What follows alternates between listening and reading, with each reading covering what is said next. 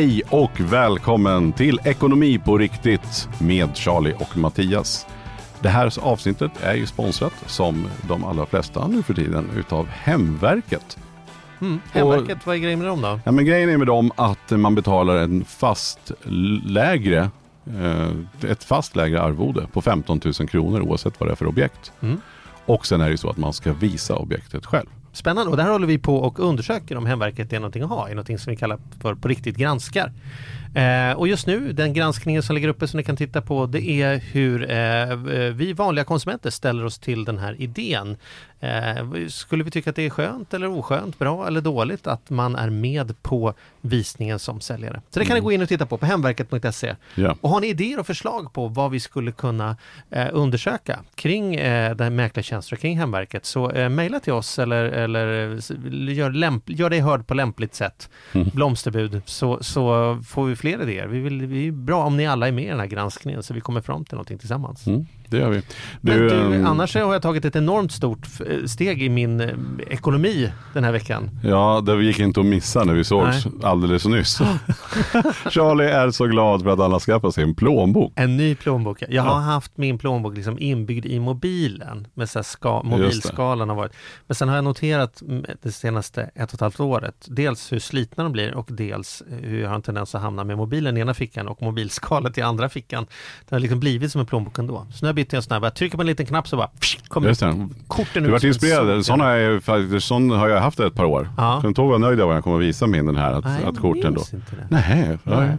Ja, ja, men ja. Du, du är väldigt stolt över den. Den ligger framför dig bredvid ja. mobiltelefonen som att demonstrera. Titta här, jag har två saker. Och när jag tog tunnelbanan hit i morse, då, då, då, då, hade liksom placerat det kortet så jag behövde bara hålla hela plånboken över dörrspärren så här så bara, bo, bo, utan jag behövde inte ta fram kortet liksom. Ja, det är fascinerande vad du kan, du förvånar mig åt många håll hur du kan.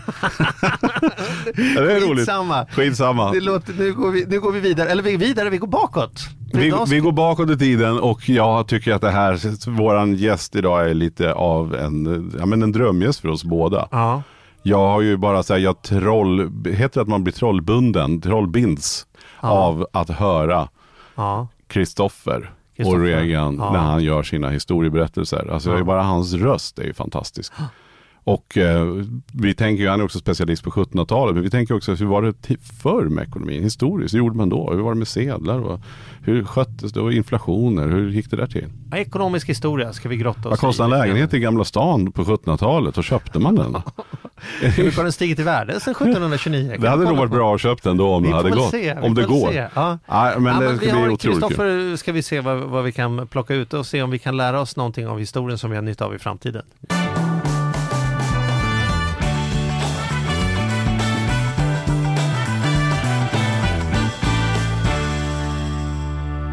Men välkommen, Kristoffer O'Regan. Åh, oh, tack så mycket. vad här. Ja, men vad trevligt att få vara här i, uh, där vi nu sitter i det som var stadens utkant en gång i tiden. Ja, det var så. Mm. Södermalm var verkligen, det var utkant. Det här var ute i skärgården. Ja, men det, det finns ju den här, alldeles här intill ligger ju yttersta tvärgränd som ju i sin, bara i sitt namn antyder om vad som en gång var liksom, det, det, den bortre gränsen till det som egentligen var bebyggelsen i Stockholm. Så, så hade jag levt på 1700-talet så kanske man hade stoppat pengarna i strumporna och man hade kommit ut ur de här ja. vilda utkanterna. Det var Ronja Rövardotter här. Ja men eller hur. Ja. Vi, vi satt ju och pratade här precis innan du kom och då tänker, sa vi så här att historia har ju vi båda blivit mer och mer intresserade av ju äldre vi har blivit. Ju mer vi har blivit historia. Ja, ju mer, mer, mer man växer samman. Ja. Nej men alltså Nej, ganska också... tidigt ändå historiskt intresserad men inte i skolan. Nej. Jag ser ju, ja, det var ju inte som att jag satt Innan jag började skolan, då var jag, nu tog jag över det, men innan var jag historiskt intresserad för då fanns det Tempo som det hette på den tiden hade utanför Tempo i, i Skutskär, som var mitt mm. Tempo på somrarna, så hade de ett tält där det var serietidningar och då hade de seriealbum som var historiska, som man kan säga oh. Marco Polo, Vasco da Gama, alltså så här, okay. som, så jag köpte alla de där, eller morfar köpte väl till med de där seriealbumen, så då, då var jag så här jätte, för det var ju dramatiskt, var skepp och de gick under, och var liksom problem, allt det där. Sen kom man till skolan och sen var det ju liksom 15 år av mm. årtalsmalande ångest. Ja, och då glömde jag bort att jag faktiskt gillar historia. Ja, det är konstigt. Och du var ju lite samma sak Mattias. Ja, nej, men jag, nu är jag så här, jag var inte alls intresserad av historia. Jag förstod inte vad som var poängen ens. Det är den klassiska som många yngre tycker med historia och religion skulle jag säga. Och nu är det som, jag är så otroligt på nu när barnen har sina läxförhör och så här. Jag, jag bara försöker säga, jag vill ha förhör jättegärna och framförallt mm. är det historia. Och, men även religion då, för det är också ja. en viss mm. historia, eller det är historia i det. Men, men nu har det kommit, men hur, för dig börjar det, hur kommer det sig att, hur börjar det? Varför blir man så historieintresserad så tidigt?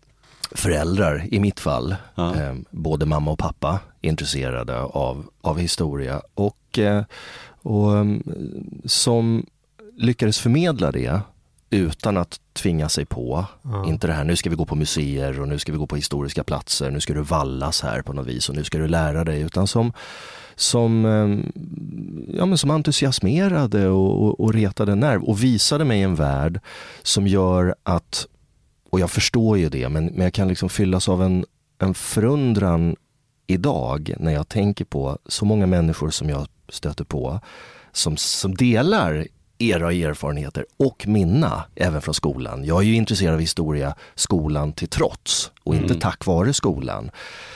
Hur är det möjligt? Hur är det möjligt att man kan ta ett ämne som innehåller allt som har med Sagan om ringen att göra, Stjärnornas mm. krig, mm. Eh, Mio min Mio, mm. Eh, vad, vad du än kan hitta på ur science fiction. Tar man bort lasersablar mm. och flygande drakar mm. så har du allt det där i den verkliga historien. Kärlek, krig, våld, revolutioner, kungamord, vänskap, uppfinningar, galenskap, mode, mm. liksom, kokkonst, levnadsödelsen, öden, vardagsliv, liksom allting liksom Ekonomi. finns. Ekonomi. inte minst.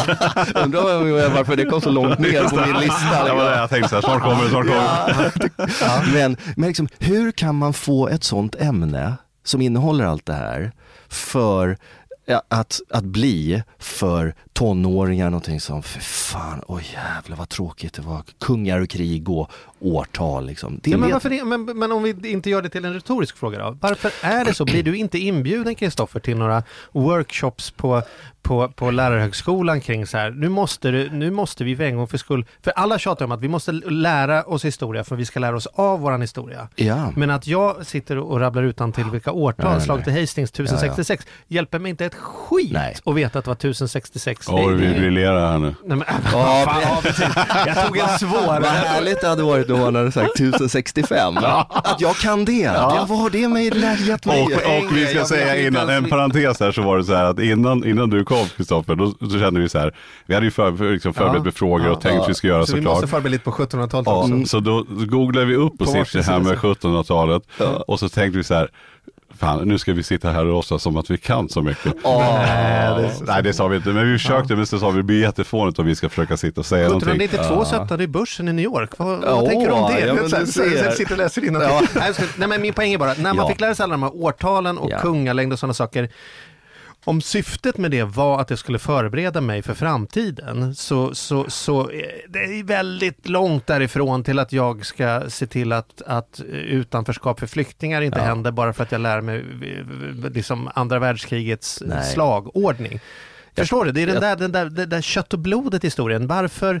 Jag tror, jag tror det finns två, två svar på det, föreställer mig, kanske fler antagligen. Men jag tror att, att skolan har under en ganska lång period befunnit sig i någon slags liksom brytningsskede där man inte riktigt vet vilket ben man ska stå på. Ska man vara i det här gamla systemet där, där kunskap i sig hade ett egenvärde och jag är inte någon vän av att rabbla massa kungar och krig och årtal. Det har inget, precis som du säger, det har inget som helst värde i att känna till vad det nu är, 6 november 1632 i sig. Vad hände då, 6 november 1632? Kommer ja, det, var något, det? det var något med Vasa tänker jag. Ja, oh, herregud, jag är bland hedningar. Nej, men att, men samt, jag säga, Just nu googlar någon detta, du måste det, säga vad som hände, annars kommer det hänga kvar. Gustav II Adolf som stupar vid Lützen då. Men, men, men det, det, det är död kunskap. Eh, samtidigt så kan jag ändå någonstans i det känna att det finns ett värde i kunskap i sig. Mm. Jag, jag, tänker ibland att, att man, man menar, ja men vad, vad, vad tjänar det här till egentligen? Lära sig allt det här? Det kan du ju googla. Vad, vad behöver? Och där tror jag man tangerar någonting som ändå tillhör ett ålderdomligt, kanske förlegat, men också ändå någonstans väsentligt bildningsideal att det finns ett, ett, någon slags värde i att vara bildad. Vi är väldigt fixerade i mm. vår tid vid att man ska ha en utbildning. Mm. Men bildning i sig, ja. det har inget, varför ska jag kunna någonting om Shakespeare liksom? Det kan jag väl kolla upp, det är Men trivial pursuit-kunskaper. Hur bildning särskilt från ja, Kanske är väl en klassisk bildning sådär, ja. man, man, man bara kan massor med saker. Liksom. Man ska kunna lite om Voltaire, man ska känna till några sonetter av Shakespeare så. Jag, jag, vet egentligen inte vilket annat syfte än att kunna diskutera kring en middag eller mm. någonting. Men, Men jag, jag tycker att du är inne på en intressant fråga, för om man är oftast är det människor som har det där har ju också ska jag säga, man har någon typ av jordmån där det där kan växa. Ja. Jag åker väldigt mycket taxi och då, då det, det taxichaufförer, de, många taxichaufförer gemensamt, det är att de sitter och lyssnar på, på radio hela dagarna och då tröttnar de tydligen på skalradio och lyssnar på P1. Mm. Så de lyssnar väldigt, de, liksom alla politiker här och den senaste nyheten och sådana saker. Och det är att man kan träffa taxichaufförer som har hört samma sak de senaste tio åren. Mm. Och en del är otroligt belevade mm. och kan verkligen inte den samtal. Och en del kan man säga, hur har du suttit i tio år och det du har tagit med dig från det är att det är nog eh, frimurarna som ligger bakom alltihopa. Mm. Det, så att det handlar ju också om att utveckla vanon där kunskap liksom kan växa till att bli någonting mer mm. än bara årtal. Och kanske också att det ger en, en trygghet, en självsäkerhet. Ja.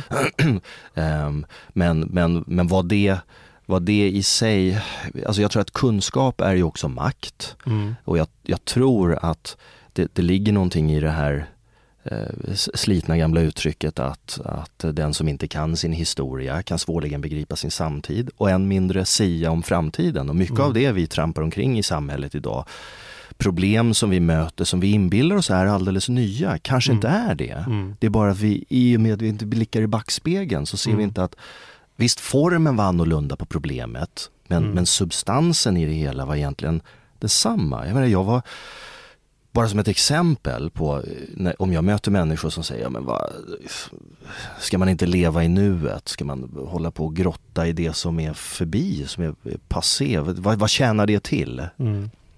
Det vi ändå inte kan påverka. Och jag, jag har för mig själv ett, ett exempel som jag tycker är, är absolut bästa för att belysa värdet av, av historia, eller vikten av det. Um, jag, jag var och kollade på VM-kval tror jag, EM-kval eller VM-kval i fotboll mellan Sverige och Tyskland på någon sån här storbilds storbildsskärm, någon mm. sportbar här i, här i stan. Vilket ju bara det är en speciell upplevelse. Alltså, eh, berusade människor som ropar heja, rop mot den här liksom, bildskärmen på väggen. Men under matchen så var något gäng där, några yngre kamratgäng som jag av någon anledning i trängseln där började prata med. Och då är det, kan det vara en, en ung kvinna 20-25 års åldern som ställde mig någon fråga, en fråga om någon tysk spelare som inte var på planen vid tillfället. Liksom, du, vad är det han heter, deras, eh, deras stjärnstriker? Och jag, jag är inte så jättefotbollsintresserad sådär, men jag har snappat upp några namn. Så jag, jag frågade, men tänker du på, tänker du på den här Klose? Nej, nej, sa hon. Och då kommer det här, för jag tänkte jag skulle skämta lite med henne. Mm. Vilket kanske är taskigt men, men, det var bara oss emellan. Det var inte, exponerade inte henne för en stor publik. Mm. Men jag frågade, tänker du på Hermann Göring? Mm. Nej, nej, nej, sa hon. Heinrich Himmler? Nej, nej, nej, jag vet vem du menar men det här är någon som spelar på andra mm. kanten. Mm. Alltså för mig är det svar nog på frågan liksom, varför man också bör ägna tid och uppmärksamhet åt vår historia som, som ju har en, en fantastisk förmåga, liksom, men också många gånger förfärlig förmåga att vilja upprepa sig. Mm. Och, och, och, det ser vi nu med antisemitismen som sprider sig och så. Liksom. Har man ingen hum om liksom, vad det är för krafter som har genererat det här, utan man bara inbillar sig att det var någonting som hände då och det var under de formerna och så. Liksom. Det, det, det, det, det tror jag är, gör historia till ett, ett angeläget ämne mm. som vi kan och bör också lära av och, och inte bara använda som ett var, varningens exempel utan vi är också mycket klokheter som har gått förlorat i det förgångna. Som... Men när du säger det så tänker jag nazismen är ett bra exempel i mitt liv i alla fall. Därför att jag växte ju upp med nazismen som skurkarna i Indiana Jones-filmerna. Typ. Ja, alltså någon ja. typ av halvmonster, ja. fruktansvärda liksom. Eh, och sen hade jag, eh, min morfar var, var omgift, så, så liksom plastmormor, var det så här, jättesöt liten tant från Dalarna som var skollärarinna hela sitt liv. Och när hon dog så hade, min, hade vi gjort ett litet bildspel med bilder från hennes liv. Och då var det så här, här tar hon studenten och här är hon på maskerad och här är hon på en utgrävning med nazisterna. Och så, vad var det där? Och då, så här, då står de där, då står de på rad med spadarna och gör honör framför en, en stor buss med, med örnen på och, och liksom ja, här. För det här var, då är detta liksom innan andra världskriget ja. obviously, men det är några år innan och då var det så här, ja det är klart att svenska skollärarinnor som hade läst historia, det är klart att man åker ner till Tyskland och är med på utgrävning och sådana saker, för de är så intresserade. Och då var det så intressant när jag såg att så här är en människa som jag har levt med hela mitt liv, som uppenbarligen inte var rasist och Nej. inte var nazist, men Nej. att det var ändå så nära. När jag såg henne mm. på den bilden med, det står någon i svart läderrock med runda glasögon ja, i kanten. Ja, Gud, det här är ju verkligen och jämfört med om, om jag hade haft kvar min bild av nazism och, eh, eller till och med rasism som, som det där, då kan man ju inte känna igen det idag i fin kostym med, med, nej, nej. med lite mjukt i kanterna och säga det är viktigast att vi tar hand om våra egna innan vi hjälper andra. Alltså, så här, det, det gäller ju att liksom hitta någon djup i sin historia så att man fattar, vänta nu, det här har vi hört förut. Liksom. Precis, och även om det kanske är, även om det inte nödvändigtvis skulle vara just själva eh, fenomenet i det här fallet nazismen som vi måste lära av eller se upp för så. Så det, det främsta är kanske också att se hur väldigt, väldigt farliga eh, företeelser, rörelser, rörelser presenterar sig och visar sig. Mm. Och det var ju, väckte ju väldigt stor uppståndelse när den här filmen, fantastiska filmen om, om eh, Hitlers sista tid i bunkern, Undergången, mm. Mm. med Bruno Gantz som Hitler. Eh, eh, när den kom då på bio för inte, 20 år sedan eller 15 år sedan, eller någonting, jag minns inte. Men, men då var det väldigt stor uppståndelse för den här grundade sig på hans sekreterares anteckningar mm. och minnen och intervjuer med henne. Och det var kanske första gången i filmhistorien mm. som man liksom gestaltade Hitler som inte bara en gallskrikande mm. dåre utan som en trevlig, sympatisk arbetsgivare som mm. frågade om hon ville ha lite mer, ville hon ha mjölk i kaffet och ville hon ha några kakor och så. Som hon upplevde honom, mm. som jobbade med honom. Och då menar man att så här får man inte göra och det här är farligt och det här är skadligt på alla sätt. Men jag tyckte precis tvärtom. Mm. Just som du antydde när du berättade om mm om din eh, ja, mormor. Ja, mm. precis. Att, eh, att det, det, det, gör ju historien mycket, mycket mer skrämmande och, verklig, och, och farorna mycket större. För att det innebär ju att, vänta nu, en av världshistoriens liksom, farligaste män var en trevlig, sympatisk person som bjöd på kakor och klappade mm. på axeln och sa vi tar mm. det här igen när hon skrev fel på skrivmaskinen. Och det gör ju då att det innebär att den personen som sitter mot mig på tunnelbanan kan i händelse av rätt eller liksom fel konjunktur och fel tillfällen bli en sån. Mm. Kan jag bli en sån? Kan någon av oss bli det? Mm. Man reducerar inte de här galningarna i historien till att bara bli bli eh, karikatyrer av sig själva. Så man, jag menar, skrikande Hitler känner man ju igen mm. direkt. Man kan ju bara gå till, till, till, till, till, till liksom metoo-rörelsen för att, för att konstatera Eh, ja. Lite samma fenomen egentligen. Men är det inte också så att, att, att historien, upplevde jag i alla fall, eh, vi ska släppa historielektionerna, men, men jag kände också så att, att det var väl just att man inte fick historien i historielektionerna.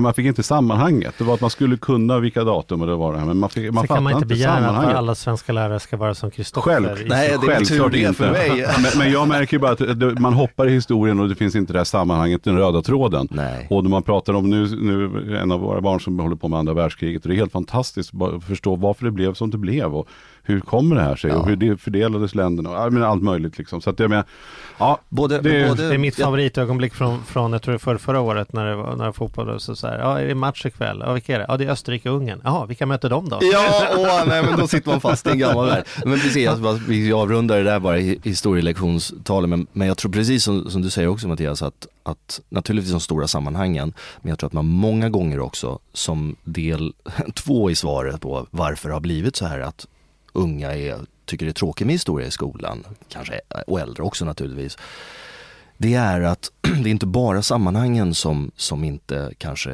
eh, presenteras för våra, våra skolelever utan det är också eh, levnadsödena händelserna, vardagslivet, individerna. Mm. Min erfarenhet, nu generaliserar jag grovt, men min erfarenhet av den akademiska världen är att jag tycker man har avhumaniserat historien.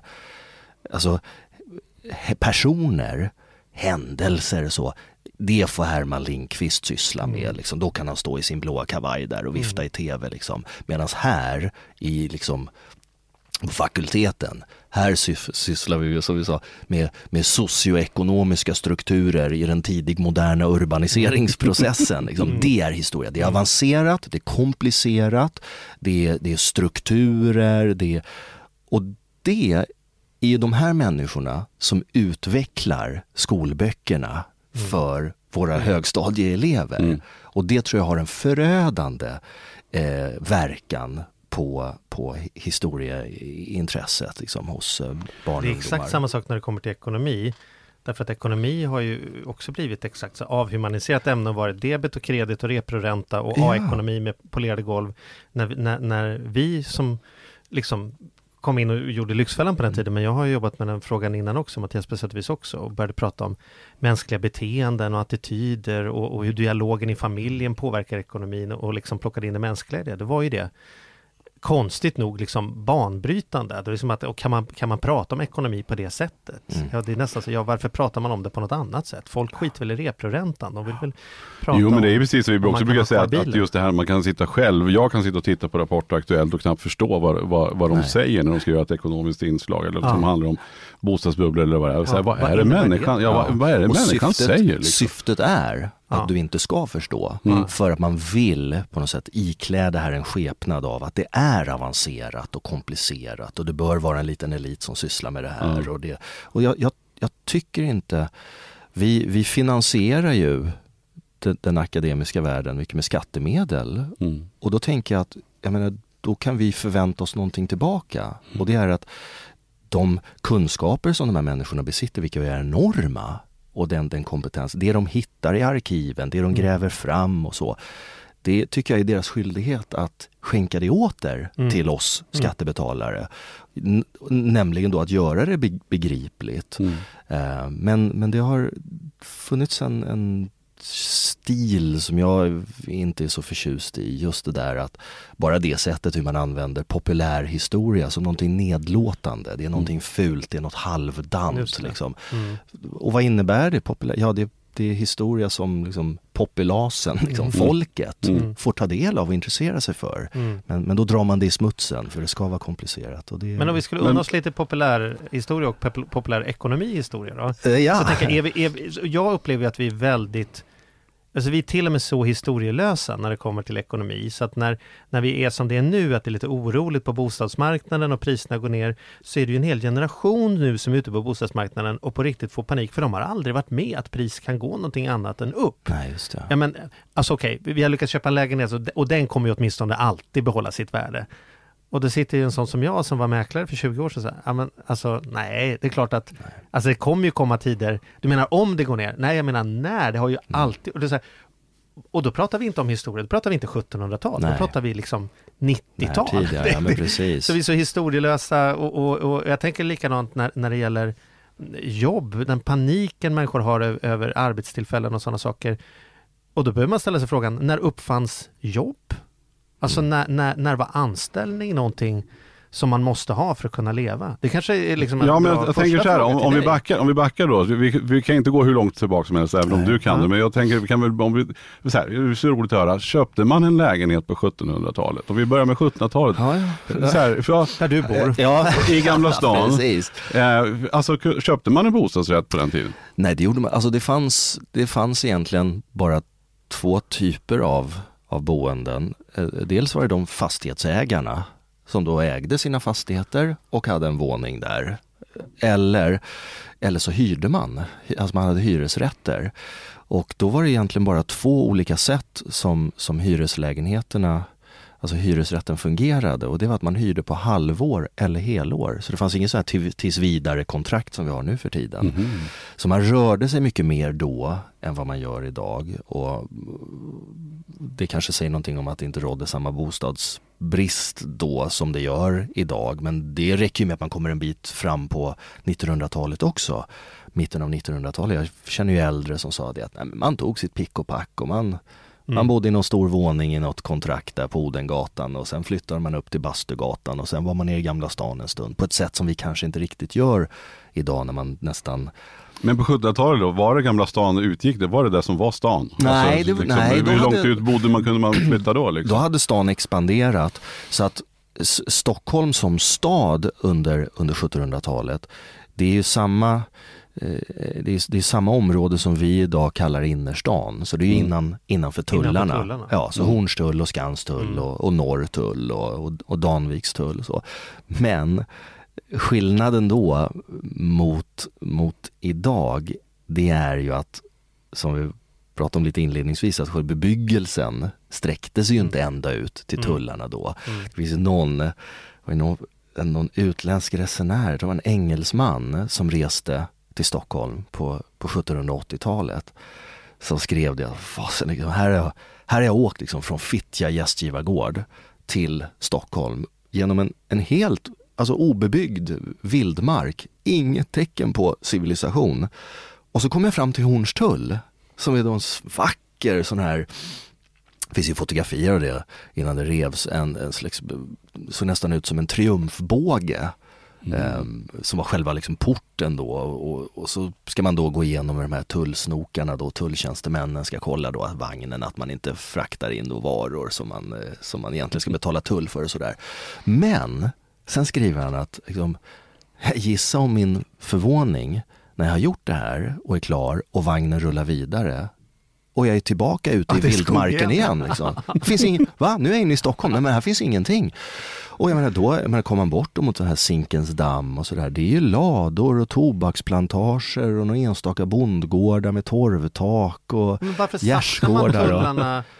Var det att man var så framsynt som man tänkte så här, om ge oss hundra år så kommer stan ha vuxit hit ut, så vi sätter tullarna här redan nu? No, var det så här ringledstänkande? Liksom, ja, ja, ja, det vet jag faktiskt inte. Jag, alltså, jag kan tänka... sista huset, där tar vi tull, ja, det köper vi Så har det ju hus. varit från början, var det ju så. Jag menar, mm. när, när, när Stockholm på något sätt började ta formen av en stad under medeltiden, då byggde ja. man ju snabbt en stadsmur ja. kring eh, äldsta delen av, av Gamla stan, då, som är de inre kvarteren. Och då barrikaderar man sig där bakom då mot, mot danskarna som är på besök under, under medeltiden. Sen så blir det lite för trångt där och så är det landhöjningar och, och man fyller ut med massor och sånt ut med schaktmassor och sånt där. Så bygger man utanför, då bygger man en ny stadsmur. Sen letar sig bebyggelsen upp på Malmarna under, under 1500-talet och vidare under 1600-talet. Men jag kan tänka mig, jag, jag inbillar mig någonstans att till, till stora delar så var ju staden var ju liksom självförsörjande mm. vid den här tiden. Mm. Så jag kan, kan föreställa mig också att mycket av det här var ju alltså odlingar eh, och, och, och, plantager och, och, sånt som, som man hade bruk för, för att kunna hålla, hålla staden vid liv. Vid liv ja. mm. eh, så, så att, och det är också ju sån här, tar man sånt här i beaktande, för det, det är någonting av det jag tycker är mest intressant med med historia och med, med i synnerhet 1700-talet. Och det är att man många gånger tänker att man har en väldigt klar föreställning om hur det var. Och sen skrapar man på ytan och går tillbaka till det gamla källmaterialet så möter man en helt annan värld. Och och jag möter ju ofta människor som säger, jo men fasen man, man tömde ju pottorna ut genom fönstren i Bellman, ja. Stockholm och folk klafsade omkring i det här och man gick på någon slags eh, Gud vad det måste ha luktat. Ja men precis, man gick på styltor och man ja. gick med paraplyer uppfällda liksom även om det regn, in, inte regnade och sådär för man inte skulle få det här över sig. då försöker man slå hål på den myten då genom att hänvisa till till, till det gamla källmaterialet. Men då är det någon, var någon som, som var ändå liksom lite beläst, lite påläst som sa det, ah, ah, ah, ah.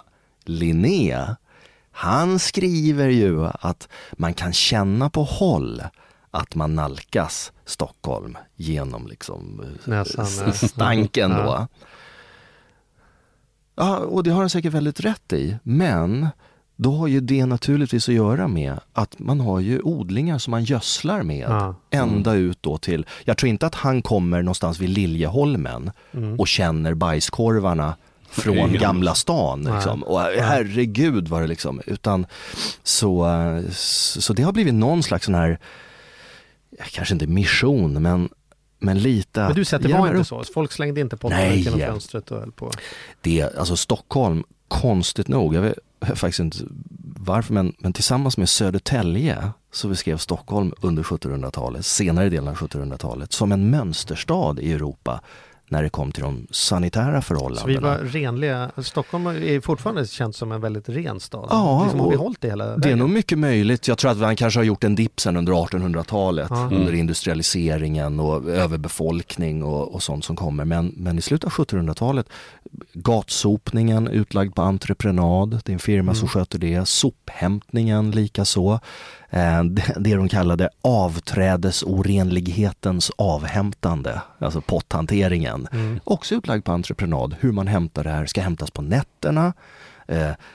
innan klockan åtta på morgonen, eh, så att inte folk ska bli besvärade av det här, de här hämtningarna när de går till jobbet på morgonen. Då.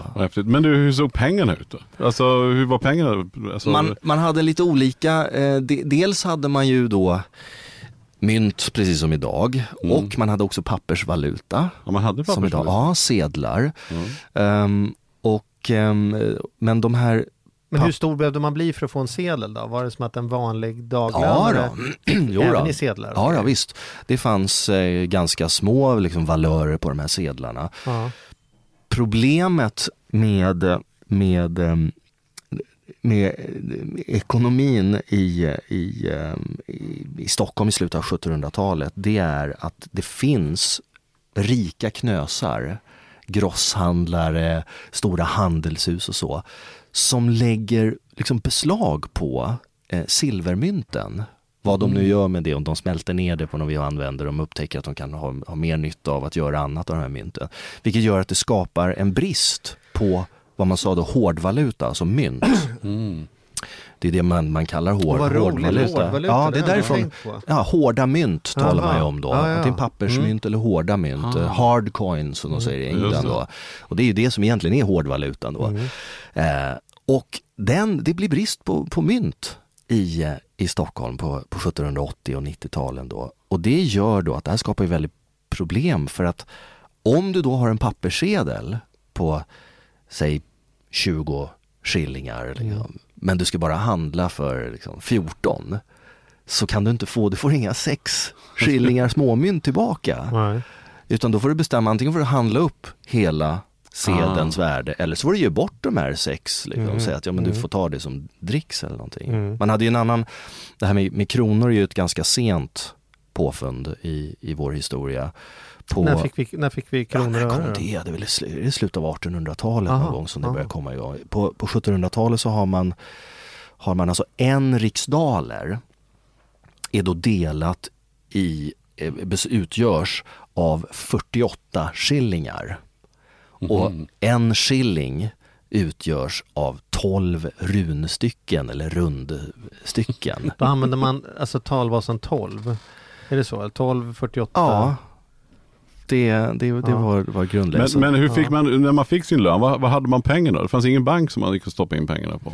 Det, vi hade ju en riksbank mm. vid den här tiden, men det fungerade ju inte alls på samma sätt som idag. Men en byggnadsarbetare, när han får betalt man, man, får ju, man får ju slantar. Varje dag eller varje vecka? Nej, varje det tror jag inte. Det beror på om man, var, om man till exempel jobbade med sådana här dagsverken. Man kan se ibland ja. i annonser i tidningarna där folk efterlyser arbetare till temporära jobb sådär. Det kan vara att de ska putsa rosten ifrån gamla musköter mm. på Arsenalen eller att de ska rycka upp tobaksplantor på Södermalm eller någonting. Och då, kan, då ser man ibland att det garanteras då betalning varje dag. Så mm. att det är inget snack om att du får i slutet av veckan eller det kom nästa mm. vecka igen mm. utan här garanteras det betalning. Men sen var det ett omfattande bruk och det är det som gör att det är väldigt svårt idag att se um, vad egentligen, ja men vad tjänade en, vad tjänade en gatsopare eller vad, vad, vad tjänade en, en silverputserska eller en kopparskurerska eller någonting. För att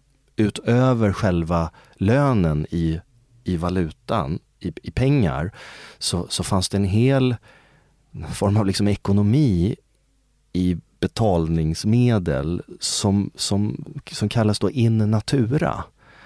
Och det är alltså inte det är inte det, som vi tänker att det är sex. Nej, det är inte sex vi pratar om, Nej, utan då är det... Utan då är det ved, ja. eh, det kan vara eh, mjöl, det, det, kan vara liksom klädespersedlar och så. Och det, ja, säkert det är också brännvin ja. och sånt där som, som kan ha kommit liksom vid sidan om. Mm. Som, var, som var lika viktigt för en person vid den här tiden som själva bara eh, köpemedlen. Men det fanns gott om knösar också. Som, det var, var det stora klyftor liksom då i slutet på 17? Ja, alltså, både och. En del av de här människorna som, som var unga i slutet av 1700-talet levde ju sedan en bra bit in i den nya tiden, mm. in i 1800-talet, när, när industrialiseringen kommer igång, maskinsamhällena, massproduktion. Eh, och en begynnande, vad vi idag kallar kapitalism. Mm. Nu är inte jag någon jättefena på det här men det jag läser av vad de skriver om hur de blickar bakåt. De, de menar de att, att, att Sverige och kanske Stockholm då i, i synnerhet, att här var skillnaderna mellan överklassen och liksom arbetarna och så naturligtvis liksom väl synliga det är ju ett, ett strikt klassamhälle. Det finns ju de här, som du säger, knösarna som äger mm. hela palats, liksom, som är ofattbart rika. Men det verkar inte ha funnits någon direkt utbredd misär vid den här mm. tiden. Och det är till och med så, och det tycker man kan dra paralleller till vår tid. Jag vet inte om ni kommer ihåg när de här när Canada Goose-jackorna mm. slog mm. igenom. Mm. Just det. Då blev det ju liksom, man pratade om att att tjejer som, som prostituerade sig för att få pengar till att ha kläder som kunde röra sig i Stockholms uteliv och, och då mm. var de här Canada Goose-jackorna som en symbol eller att man begick mm. brott för att kunna ha råd och, och köpa de här, de här jackorna. Samma sak är det på 1700-talet. Därför att... Canada Goose-jackan är jättegammal. Den...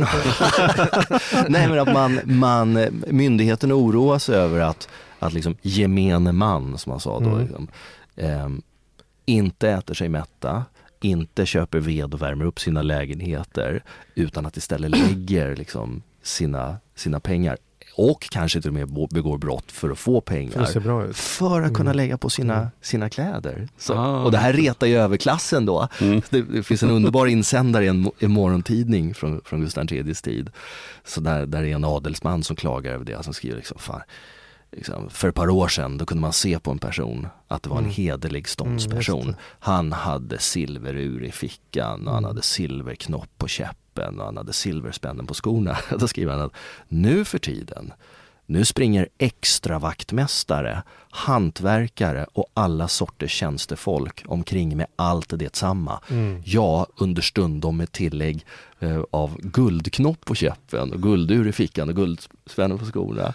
Och så har han ett sånt där avslutande resonemanget om att liksom en uppmaning till det sämre folket att genast sluta tävla med de som räknas för mer. så att det, det, är allt det här lusten att, att liksom minska liksom klyftorna, den har funnits ja, i, i Vad roligt att det är så. Jag pratade faktiskt med, med, med eh, en, en, annan person som hade släkt i Egypten och, och kom till Sverige, ja. alltså bara för några år sedan. Eh, hade sina egyptiska släktingar på besök här och eh, deras kommentar efter att ha varit i Stockholm i tre veckor var finns det inga rika människor här? Oh, nej men precis. För att alla ser likadana ut, liksom. Oh. alla kör samma bilar och alla har samma kläder. Och oh. Man är van från andra kulturer där det är tydligare, liksom. nu kommer de vita liksom, långmercedesarna här. Ja, men, men, Man märker det när man kommer i Reykjavik, jag var i London för ett par år sedan och eh, en kvinna som jag hade en, en relation med då och eh, man kommer, hello I'm from Sweden, liksom, man har liksom ingen koll på riktigt mm. vilka, vilka vilka pengar som finns där som, som vi inte har mm. här eller mm. nyttjar. Så vi satt på någon pub, på någon uteservering sådär. Och så var det liksom, nej men det är fullt med helikoptrar. Och jag frågade liksom, ja men är det något som har hänt? Ja, är det något väpnat rån eller är det, kan det vara något sportevenemang, någon, sån här, någon maraton eller någonting? Och hon frågade liksom, nej men vad, hur så? Ja, alla helikoptrar. Jaså, nej, nej, nej, men det är liksom, det här är the bankers som ska hem över helgen ja. till sina gårdar ja. och sånt där och de vill inte sitta i bilköerna. Ja. och det där då som Svenne liksom, ja, okej. Okay.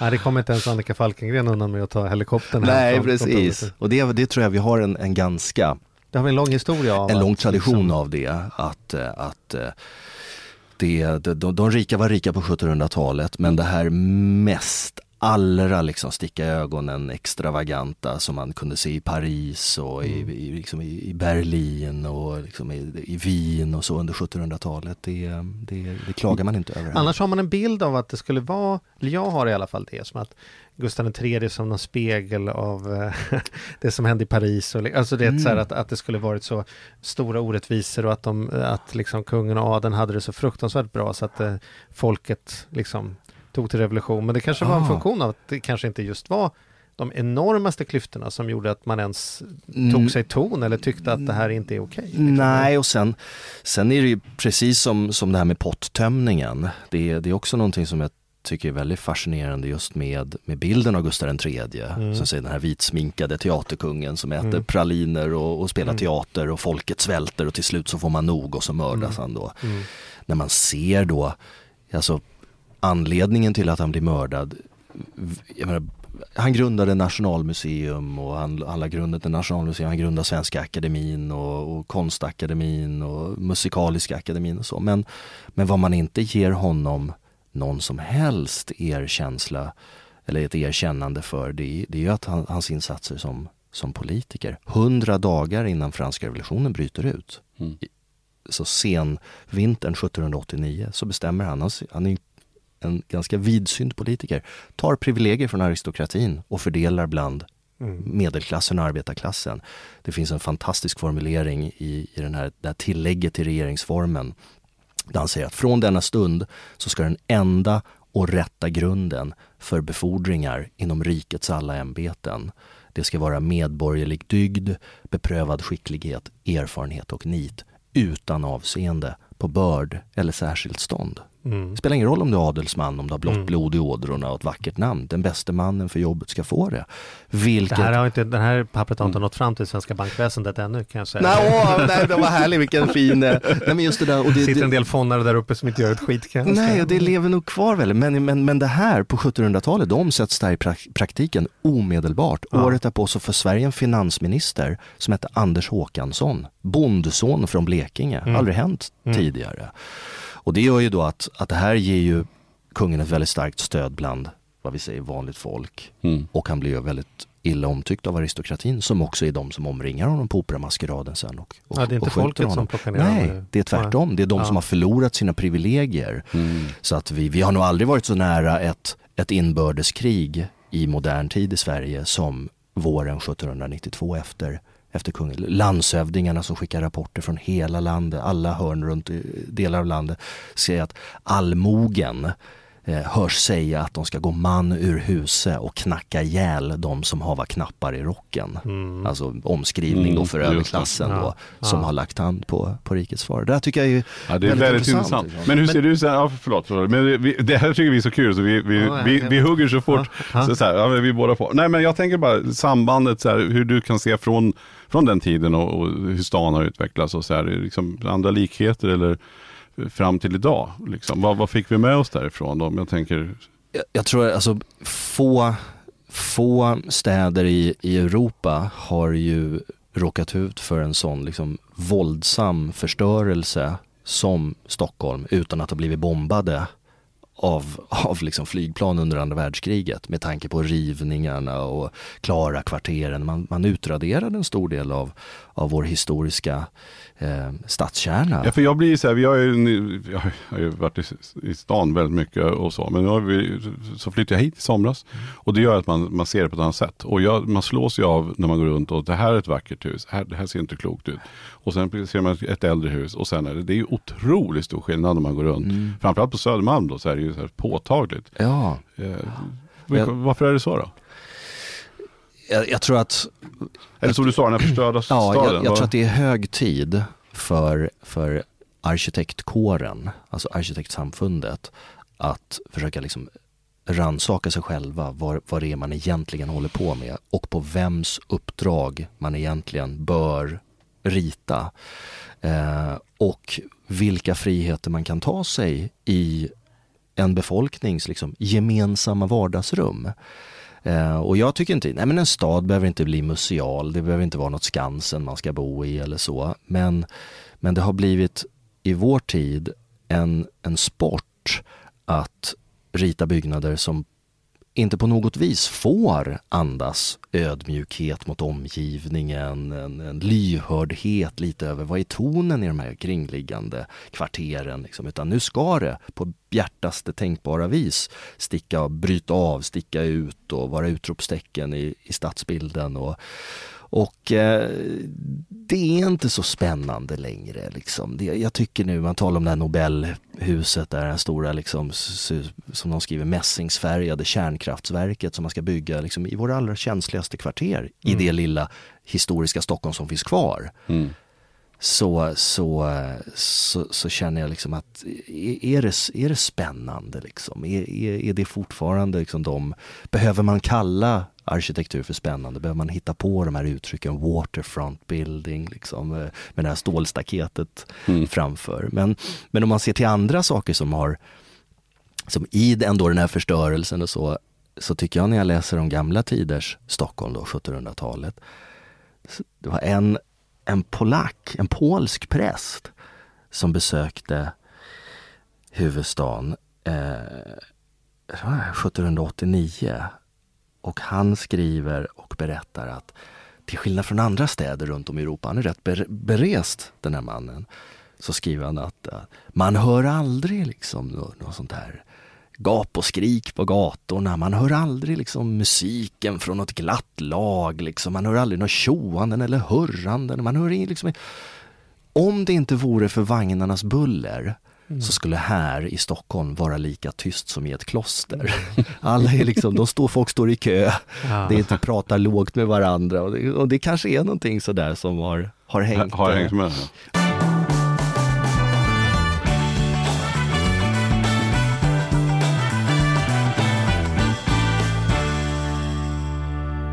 Om man nu lyssnar på detta och tänker, vad ska vi ta med oss då utifrån vår ekonomiska historia? Om du, om du, vad, är det du känner att du är lite bättre rustad än alla andra när det kommer till ekonomi utifrån att vara så insatt i historien? Så vad, vad, är, vad är det för baktanke man kan ha?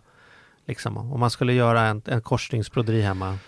Oj, ja men jag kanske är jag vet inte, hänger det samman med ekonomi? Men jag, jag, jag är väldigt förtjust i återbruk. Aha second hand kan man ju kalla det. Eh, antikviteter är ett finare ord sådär. Men, men det finns alla möjligheter att, att köpa fantastisk kvalitet som har 100 år på nacken, 50 år på nacken, 200 år på nacken via auktionssajter och, och de här som, som, är, som märkligt nog är billigare mm. än skräp mm. som man kan köpa idag om man går till ett, eh, något möbelvaruhus eller någonting. Liksom. Och inte bara är billigare, det har exakt samma värde tio år senare om du skulle sälja det. Det är ju det. det är ingen värdeminskning heller. Jag gjorde fruktansvärt misstag en gång. Jag, jag hade nästan bara 1700-talsmöbler hemma mm. och så tänkte jag, nej men jag kan inte, det känns lite musealt där. Jag behöver inte manifestera det här i det yttre. Jag bär det här liksom, mm. intresset i mitt inre sålde mycket av det då.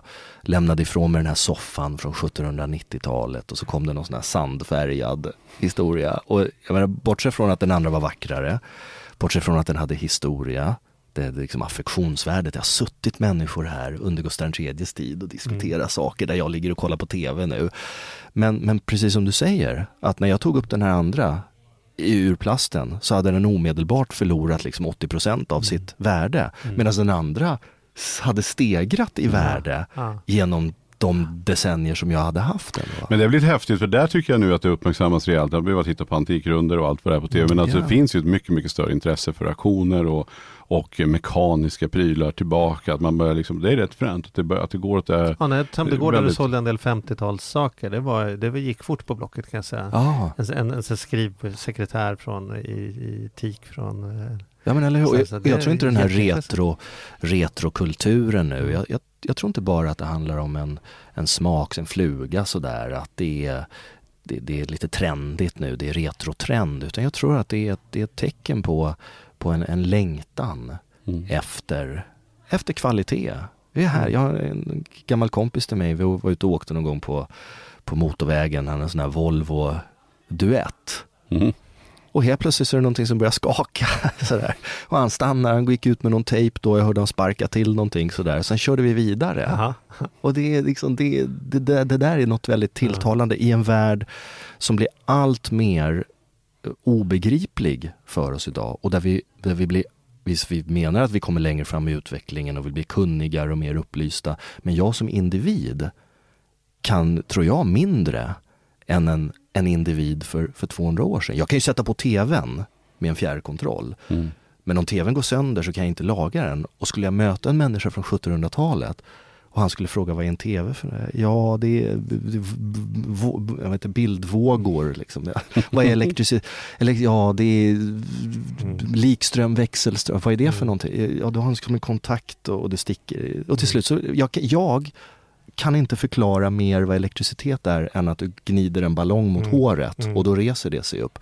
Men att göra upp eld, att musicera, mm. att snickra att liksom göra saker som 1700-talsmänniskan kan. Vet när man ska skörda och vad myrstacken är i förhållande till norr och söder. Det kan inte jag. Så ja. sätter man ut mig i hans värld ja. så är jag död inom 48 timmar. Liksom. Ja. Och ändå inbillar jag mig fortfarande att nej stackarna, liksom. jag är så mycket bättre och mycket mm. mer upplyst och så. Men vi sitter ju och frågar oss här, vad, vad här, hur gjorde vi? Och nu sitter man ju till och med och frågar, så här, hur gjorde vi innan internet? Alltså hur fick ja. man ihop möten? Ja, vi satt och pratade innan vi förberedde om, om jordomläggningsreformen som, som gjordes, eftersom jag har bott i, i precis bredvid Svaneholm. Oh, oh, eh, ja, men precis, eh, skiftena där. Ja, Rutger McLean och så. Precis. Och då började vi prata om det innan när vi fikade här, liksom så här, shit bara det, man bara så här, plockade ihop jord och så här, hur ska man göra det idag? Och Mattias bara, ja hur pratade de mest? De kunde inte ens skicka mail och, och så här, hur, hur, gjorde man upp planerna? Ska vi ta ett möte? Ja, det, man kan inte ens ringa och säga, Nej. du vi behöver ett möte om det här. Utan det, det, det... Och lite skönt sådär, ja, det, man ska inte roman, nu pratar vi väldigt mycket så, det goda i äldre tider ja. så man får inte glömma ändå liksom barnadödligheten och, och sjukdomar och farsoter och, och, sociala orättvisor, ojämlikhet mellan könen och så. så man, man ska akta sig för att liksom, vi ska inte liksom romantisera kring det förgångna men, men just det där att det, vi, har, vi har förlorat en del kvaliteter som de Ja men precis, hade. det var ju aldrig bättre förr och har väl aldrig varit bättre förr i någon tidsperiod för vi utvecklas och går framåt men man får ju också ta med sig. Säger det, han är inte helt säker. Nej men jag påstår det. Ihop mina Nej men jag påstår att det, det, var inte bättre förr men det är mycket okay. vi missar på vägen ju för mm. att vi inte tar lärdom av historien. Det kan Nej. vi konstatera när vi har snackat här, eller hur? Ja, Om vi ska precis. summera det så är det väl ändå så. så. Sen så tror jag att den tiden man lever har man en tendens att tro att det är så här det ska vara. Mm. Vi, vi är så historiska så tänker så här, folk kommer med saker idag och säger så här, tidlös design. Står på mäklarsidan och tänker så här, du, om fem år kommer folk säga det här är så jävla 2018. Ja, men, alltså, eller hur? Så, att, så att det, det, tror jag. Men det känns ju otroligt skönt att höra att vi var tystlåtet folk med små klasskillnader i, i en stad som var ren redan på 1700-talet. Liksom, med deras mått mätt, med deras mått mätt, liksom lever samma Stockholm kvar. Jag, tror det och, och, och, och, skulle man kunna ge ett råd till, till lyssnarna, kanske främst då stockholmare där jag, där jag själv upplever att vi springer snabbare för varje år som går. Liksom. Vi, mm. vi springer efter bussar, springer i rulltrappor och allt möjligt. Man står och tittar på de här displayerna på busshållplatsen och känner en irritation. Vad fan, nu har det stått två minuter i tre minuter och så mm. killar det över hela mm. kroppen. Mm. Det, det, det här liksom, säga vad man vill om, om, om de människorna på 1700-talet. De dog i mässlingen och de dog i i lunginflammation och sådär men de verkar inte ha ådragit sig några stressrelaterade åkommor, bränt ut sig eller, eller gått in i väggen. Mm. Så bara det är någonting som vi skulle kunna lära oss mm. av dem. Och det, va, tänk vad skönt ändå att aldrig kunna bli sur på någon som är 20 minuter sen. För att du, nej men du vet inte. Vet inte ens att den är sen. Nej men, nej men din klocka står på 20 över. Ja. Men hans kanske står på 5 i. Ja. Han kanske är ute i god tid. Liksom. Ja. Vi, vi vet inte vad klockan är. Liksom. Dessutom lokal tid. Men det är ja, och det, det är liksom, jag, jag, jag, tänker att det är, så jag menar, skulle vi träffa en människa från 1700-talet och man skulle säga, som är vår tids folksjukdom, liksom, att nej, jag har gått in i väggen, liksom. jag, jag mår inte så bra. Så kan du undra vilken vägg Ja, Acke, håll dig längre ut ifrån väggen när du går. Så det tycker jag är, ta med er det att, att eh, liksom stressa och, och, och jäkta mindre. Spring inte ner för rulltrappor liksom, när det kommer en tunnelbana igen mm. om fyra minuter. Liksom, och, mm. och, utan, och det måste jag intala mig själv också, varje dag mm. i, en, i en tid där, där hetsen ökar, takten också. Suveränt. Kristoffer, med de orden så bugar och vi tacka för att du kunde komma hit. Ja, tack själv, det var det Den här nöje. timmen vi hade. Alltså, timmen eller det- kvarten. ja, beroende men det går så fort. Jag hade kunnat suttit- ihop det till. Fem minuter. Nej, men det här brukar ha suttit i eh, någon par, tre timmar till. Det är så jävla intressant. Ja. Stort tack för att du kom Kristoffer. Ja, Tack själv grabbar. Hej.